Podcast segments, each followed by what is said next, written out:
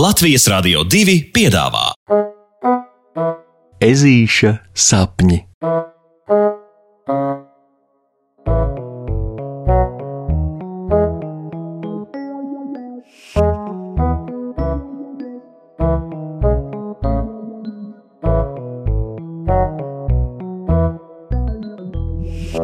Ezītis un Vilis un Griņš. Puksītis ar ģimeni ir pavadījuši skaistāko nedēļas nogali, ciemojoties pie nakts tauriņa Viļa un viņa ģimenes. Viņi ir kopīgi vairākas reizes pārēdušies, smējušies tā, ka upeņu limonāde šļācas ārā pa degunu, slidojuši uz lielā dīķa un arī vienkārši priecājušies par to, ka ir baigi labi būt kopā.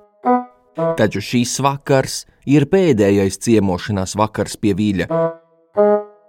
Tāpēc šovakar draugi ir izlēmuši negulēt, mm, cik ilgi vien spējas, un vēl kārtīgi izpļāpāties pirms puksīša prombraukšanas. Puksītis ar vīli abi guļ izlaistajā dīvānā lielajā istabā, lai viņu pļāpas netraucētu viļa brāļus un māsas, ar kuriem viņš dala savu istabu. Viesistabā pa logu spīd pilnmēnesis un met košu ēnu uz sienu, pie kuras ar nagliņu un striķīšu palīdzību sastiķēta eglītes figūra. Arī viļa ģimenē, kā lielākajā daļā meža zvēru ģimeņu, Ziemassvētkos neviena eglīte mājup netiek stiepta, jo visiem eglīšu cik tik uziet aiz logiem. bet katru gadu eglītes simbols kādā īpašā veidā tāpat tiek radīts un mājās nolikts goda vietā, jo tas pieder pie Ziemassvētku lietas. Vīļa ģimenes eglīte tātad eh, sastāv no nagliņām un starp tām nostieptiem striķīšiem. Visādā ziņā izskatās ļoti forši. Turklāt striķīšos karājās arī egļu mantiņas. Zini, ko, Vili? Man tiešām ļoti patīk jūsu eglīte.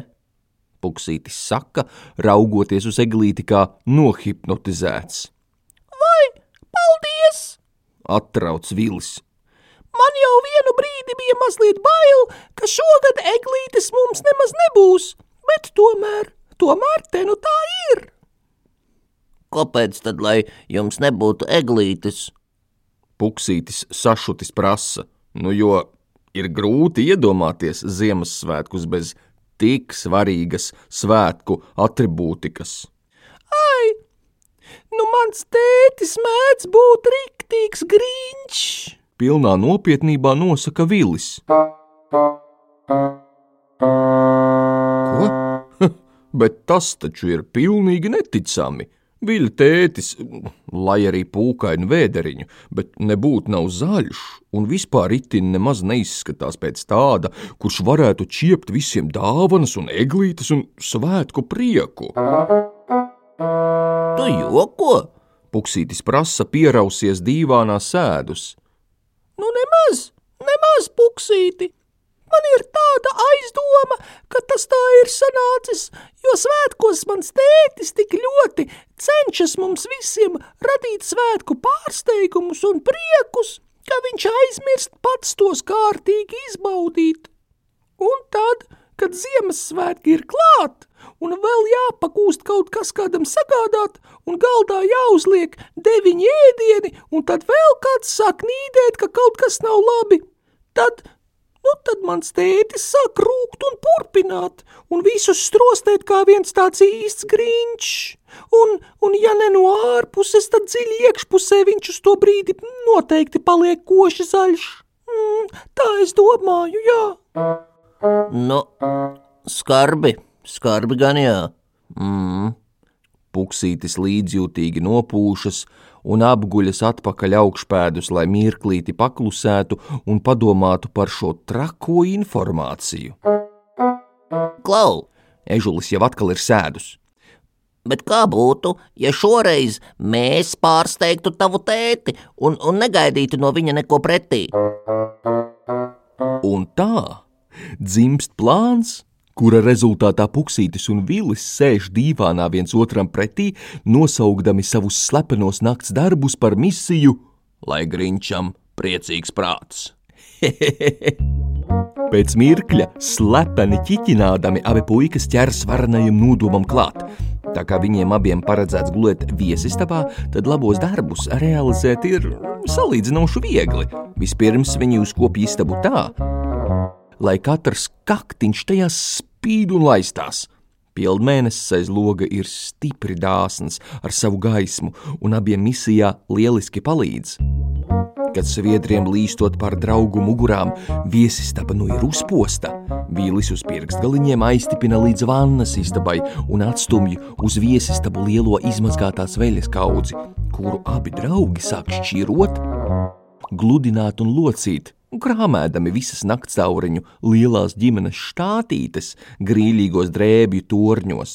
Tas aizņem, nu godīgi, neprātīgi daudz laika, un tomēr puikas nepadodas. Pēc veļas locīšanas stūres, puksītis un vilis dodas uz virtuvi un aplēj slinkās brokastu putras, auzu pārslas, ogas un riekstus, apmērcot augu pienā un ļaujot putrām līdz rītam pašām ledusskapī briest un, un saēsties gardumā. Huh! Nu jau nu gan nogurums draugiem mācas virsū kā tāds mākonis. Un ap to laiku, kad pilnmēnesi aiz loga sāk nomainīt blāvā ziemas rīta gaisma, puksītis ar vili, nakti nemirkli negulējuši, ķeras klāt galvenajam misijas, lai grīņķam mierīgs prāts punktam. Viņi raksta vēstuli viļa tētim. Vēstulē abi sacerējuši šādu sakāmo. Būtu tā kā pēdējais laiks noticēt brīnumiem nakstauriņu saimes tēti, jo tie pienākās arī tev. Paraksts P. un V. punkts. Postskriptum, lai Grinčam priecīgs prāts. Vēstuli draugi rūpīgi saloka, uz tās uzzīmē neskaitāmas krāsainas zvaigznītes un iekarina striķotās eglītes zaros. Ko līdz tas ir padarīts?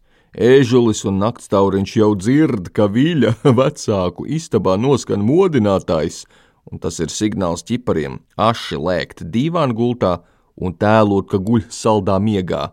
Bet tas, kā puksītim tā vilim, izdodas ļoti veikli un viegli, jo nogurums pār abiem pēc negulētās nakts ņem virsroku, un pēc pāris mirkļiem draugi jau šņāts, nemaz nenojaušot, ka viļa tētis no labo puiku darbu aizkustinājuma acis skaktiņā sajūt sariešamies apaļu Ziemassvētku brīnuma prieka asaru. Un kas gan vēl ir Ziemassvētku brīnums, ja ne labi darbi, kas iepriecina otru? Pasakas beigas. Ar labu nakti! Saldus tev sapnīšus!